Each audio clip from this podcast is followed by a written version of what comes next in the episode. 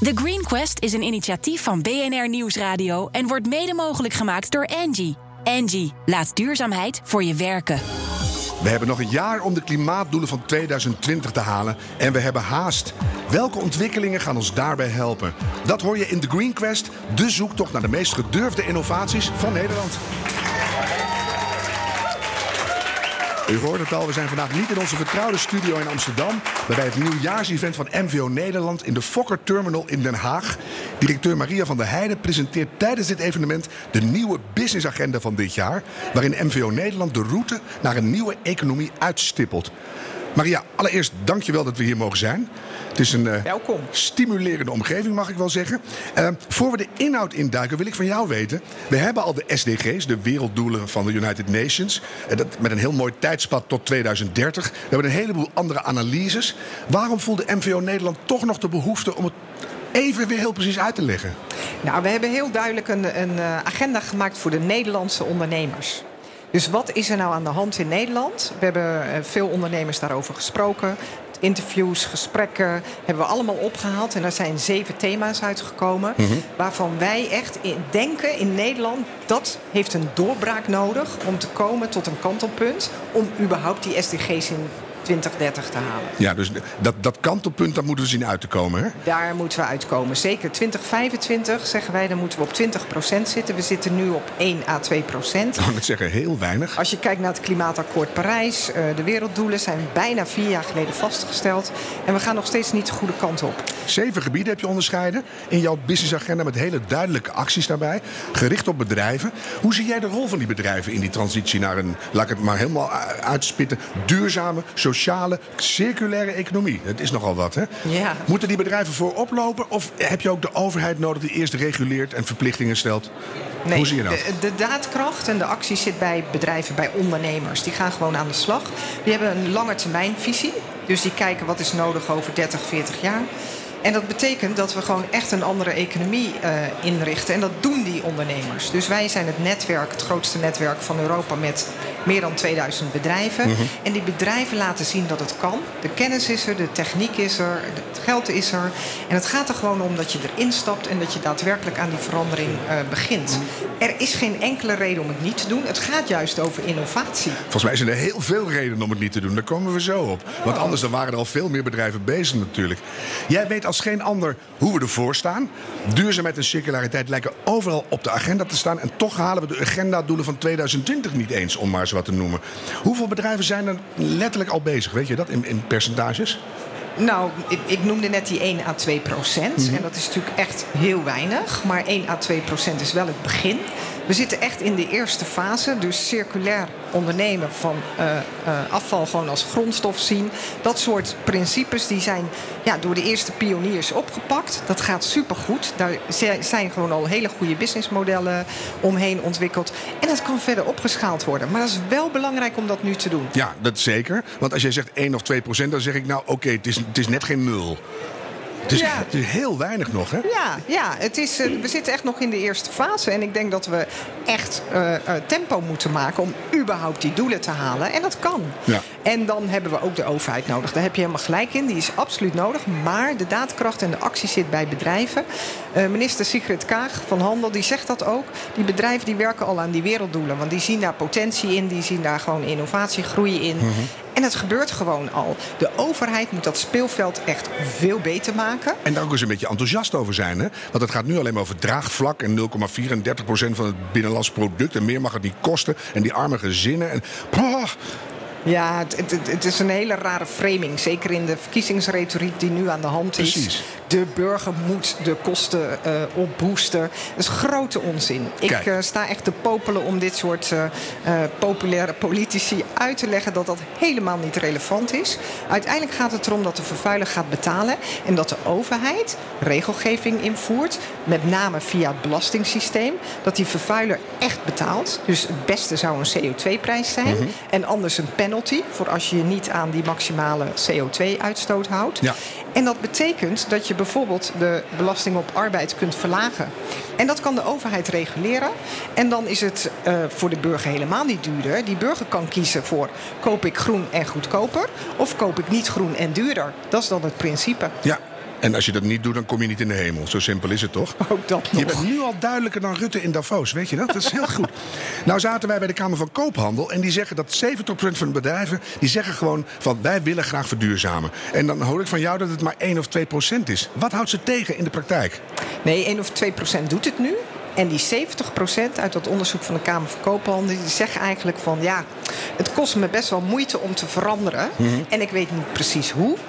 Dus kunnen jullie, MVO Nederland, andere organisaties... kennis toevoegen, ondernemers die elkaar tegenkomen. Nou, zo'n dag als vandaag, hè, hier zijn duizend eh, eh, mensen, Maar- ondernemers... mensen die bij bedrijven werken, die met elkaar kennis en ervaring uitwisselen. Maar het is alweer 2019, hè Maria? Ja. Doen jullie je werk wel goed eigenlijk? Nou, ik, eh, ik denk dat wij ons werk heel goed doen. Gelukkig. En dat we echt een opdracht hebben, MVO Nederland. En ik roep ook echt al die bedrijven op om daarin mee te doen. Want wij kunnen dat ook niet alleen. Om echt die... Het thema van vandaag is voorbij de groene bubbel. Ja, uit de groene bubbel. Uit de groene bubbel, mainstream. Zorgen dat in de regio's met Kamer van Koophandels... maar ook met partners die wij hebben, eh, financiële instellingen... gewoon dingen aan doen met MKB'ers. Gewoon die- beginnen en, en gaan rennen met Precies. z'n allen. Ja. Maar, en wat kunnen jullie concreet doen? Je hebt het nu heel keurig in een stappenplan weer samengevat. Ook wat doet de regering, wat doen wij, wat kunnen bedrijven doen? Wat kun je concreet toevoegen aan die bedrijven die willen beginnen?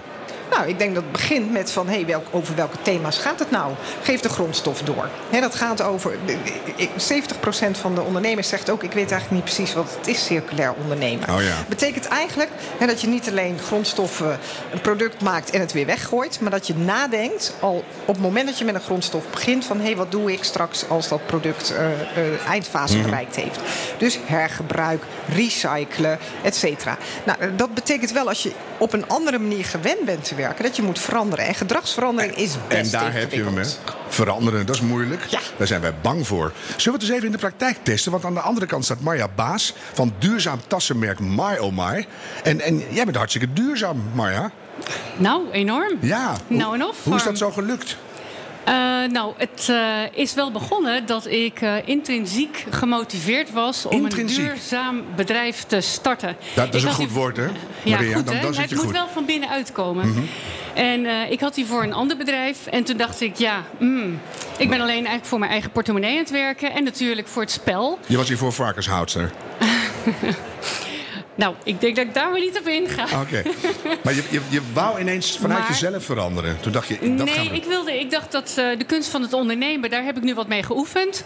Eh, ik denk eigenlijk als iedereen eh, dat doet waar hij een talent voor heeft, ehm, als hij daar ook een duurzaam component aan verbindt, dan hebben wij geen probleem meer. Hoe heb je dat bij jouw tassen gedaan? Hoe heb je die duurzaam gemaakt? Eh, nou, ik ben eigenlijk eh, ooit tegen iemand opgelopen die voor eh, Fairtrade Europe naar India ging om een bedrijfje te helpen die helemaal in de wollen sokkensferen zat om leren tassen ehm, meer op de westerse markt af te stemmen. En die vroeg mij hulp. Toen dacht ik, nou, dat vind ik echt een ontzettend leuke uitdaging. Want ik vind dat een merk en modemerken moeten cool, sexy zijn en het moet omarmd worden door een breed publiek. En ja, die, die, die challenge hebben we aangenomen. En nu zijn wij een van de grootste tassenmerken in Nederland. We hebben meer dan 300 verkooppunten. En we Ik zijn my, oh internationaal my. heel Ja. erg bezig. Ik zeg ook my oh my. Hoe, hoe, peperduur, hoe peperduur zijn die tassen van jou? Hoe Peperduur? peperduur. Ehm, nou, ik weet niet wat eh, duur is. Ehm, Ik wel. Dus zeg, Ja. wat kost een gemiddelde tas bij jullie? Nou, 160, 170 Oh, euro. Nou, dat valt me helemaal niet mee. Eh, niet tegen. Dat Dus, valt eh, je niet tegen. ja, nee, we hebben ook hele nee. mooie herentassen sinds kort, Harm. En ik heb er laatst in Nederland geprobeerd een te laten maken. Dat was niet duurzaam te krijgen bijna. Dus eh, Ja, ja. hartstikke goed. Nou, moeten ze vanuit India nog hier naartoe komen? Hoe doe je dat? Ja, dat is een puntje. Ik zwem niet zelf met een tas op mijn rug. Eh, die gaan wel met een schip. Met een schip. Maar dan kan je tegenwoordig eh, biobrandstof bij tanken. Hè? En dan... eh, Dat kan. Maar ik moet wel zeggen, ik hoor nu ook van die 1 en 2 procent. Daar kijk ik eigenlijk wel een beetje van op. Ehm, en ik denk wel dat duurzaam ondernemen, dat gaat van stap voor stap. En ehm, je moet iedere stap gewoon nemen. En als je al begint met van, nou ja, ach, dat transport, ja, dat is toch wel vervuilend. Dan doe je het ja, dan kan niet. je beter Ja. allemaal niet beginnen. Ik nodig iedereen uit om gewoon een eerste stap te zetten. Want die eerste stap, daar gaat het om. die is ook het moeilijkste. hè? En het, Ah, en het leukst misschien wel. Wel heel is leuk. juist superleuk. Uiteindelijk gaat het erom dat je ambitie hebt. Heel mooi wat je zegt, hè, dat het van binnenuit moet komen. Maar je hebt een doel. Mhm. Je wil iets bereiken. Hè, en je wil je ondernemerstalent inzetten voor, in dit geval, voor een cool merk maken. Een sexy merk maken. Nou, dat is Marja super gelukt. Ik heb zelf ook twee van die mooie tassen. Twee?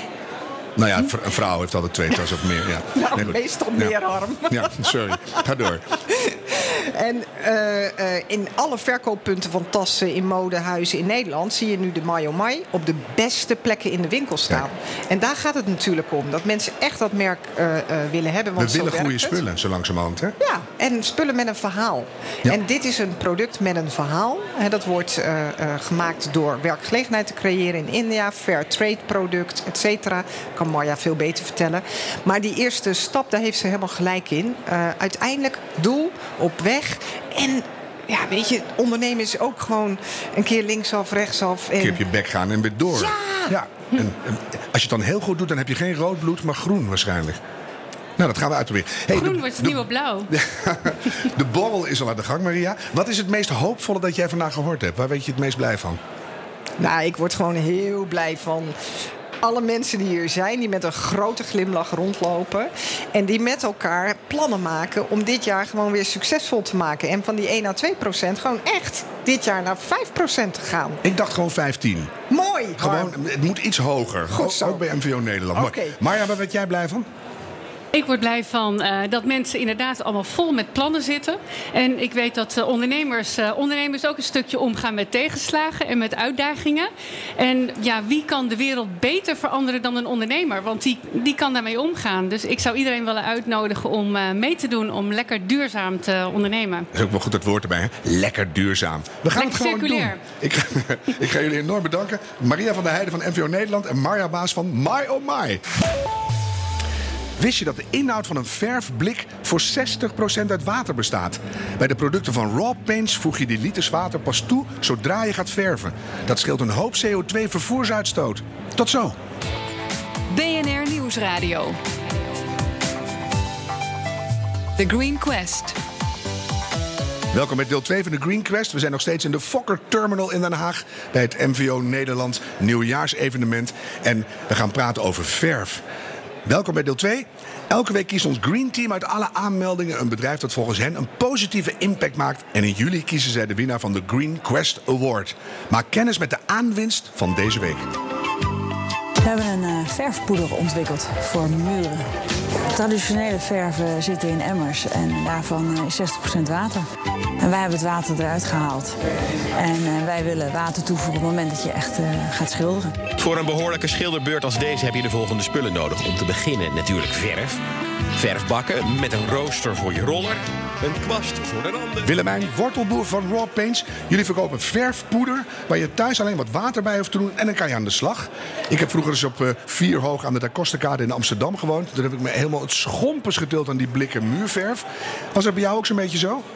Nou, het idee is niet, het komt niet bij mij vandaan. Het komt bij mijn man vandaan, die op de Antillen woonde en handelde in diverse waren, waaronder verf.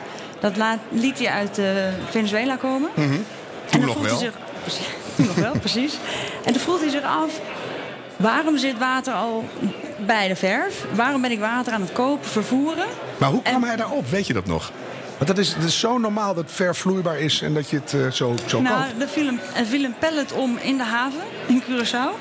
En toen dacht ik, ik ben er helemaal klaar mee. Dit moet anders kunnen. Ja. Alleen hij is toen niet verder gegaan met het idee. Wij leerden elkaar kennen in Nederland en hij zocht een baan. En toen vertelde mij hij over dat idee. En toen zei ik, go for it. Ik zorg voor brood op de plank als jij die formule ontwikkelt. Dat laatste is natuurlijk essentieel. Je gaf hem speelruimte. Ja. Maar waarom zei jij go for it? Jij, voel, jij voelde iets. Ja. ja, ik voelde dat daar wel iets zou komen. Dus ehm, eh, geen idee wat, maar ja, vol vertrouwen. Dat is echt de ondernemingszin, hè? Ja. Ben je er ooit achter gekomen waarom dat water er bij de reguliere verven überhaupt ingestopt wordt? Ik denk dat het uiteindelijk is gekomen door ook gemak, gemakzucht voor de consument. Het zo makkelijk mogelijk maken om direct aan de slag te kunnen gaan. Alleen ik denk dat op dat moment de consument zich niet bewust was van het feit dat ze eigenlijk water aan het kopen waren. Ja, maar dat, dat denk je nooit bij na. Je denkt dat hoort zo, zo is verf. Precies. Nou Ja. gebruiken jullie eh, eh, eh, geen water meer, dus je hebt verfpoeder. Maar Ja. gebruiken jullie verder precies dezelfde producten die in, eh, in gewone verf zitten?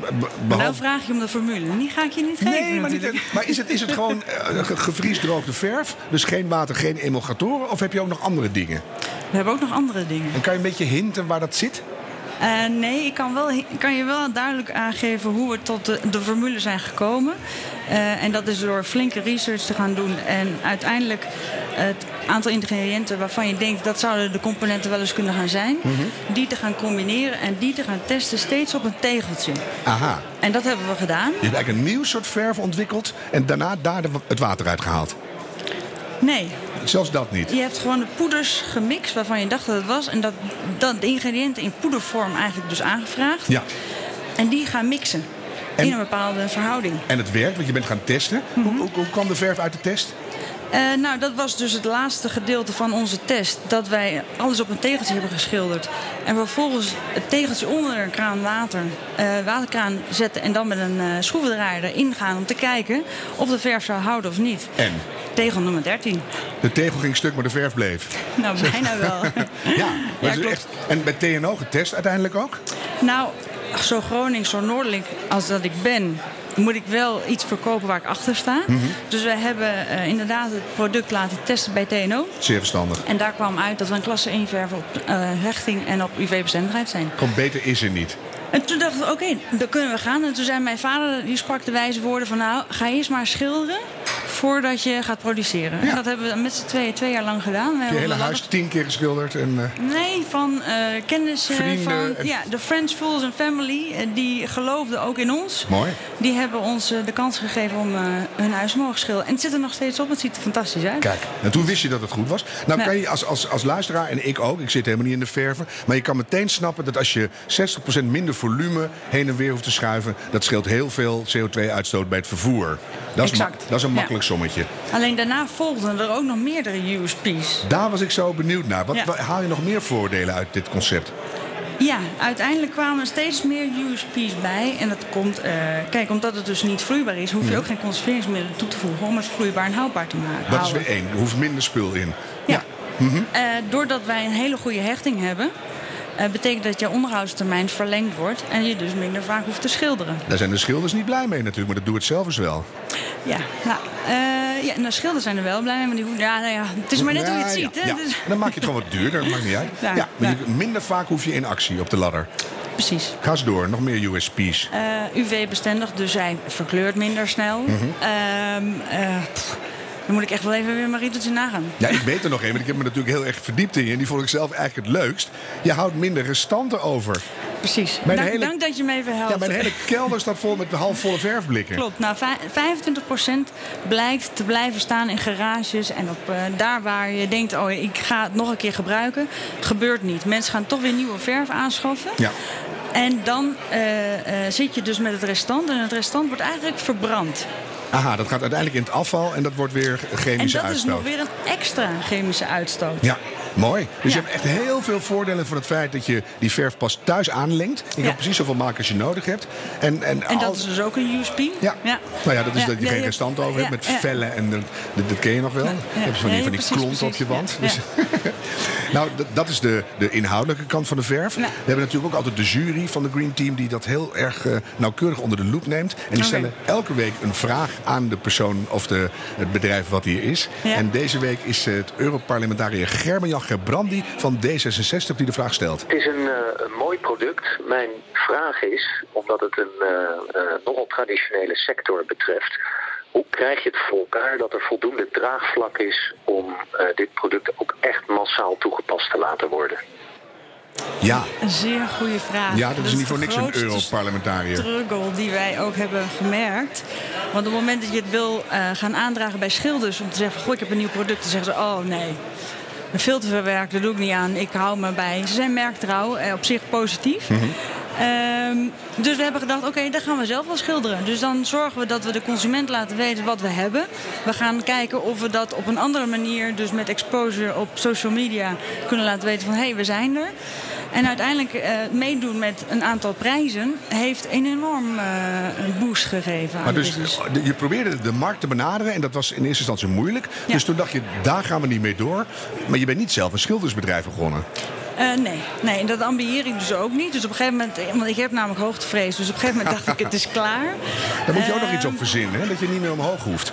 Ja. Dus uitklapbare huizen die je plat kan leggen, dan kan jij schilderen. En, maar goed, dus je Nee. bent nu op social media en op allerlei andere plekken eh, gaan, gaan laten zien wat die verf eigenlijk is en wat die doet. We hebben gewoon een track record opgebouwd met z'n tweeën. Om te laten zien van oké, dit hebben we. Dus eh, ga maar zelf kijken bij het project. En dan zie je voor je eigen ogen, want dat is het vaak. Hè? Mensen eh, vertrouwen het niet. Nou ja, nu kunnen ze gewoon zelf gaan kijken en merken van oh goh, inderdaad, het is Ja. best wel goed. En hoe lang ben je nou bezig en hoe gaat het? Eh, drie jaar zijn we ruim drie jaar bezig. Oh, dat is al een tijdje. Ja, En, en een stijgende lijn? ja, zeker.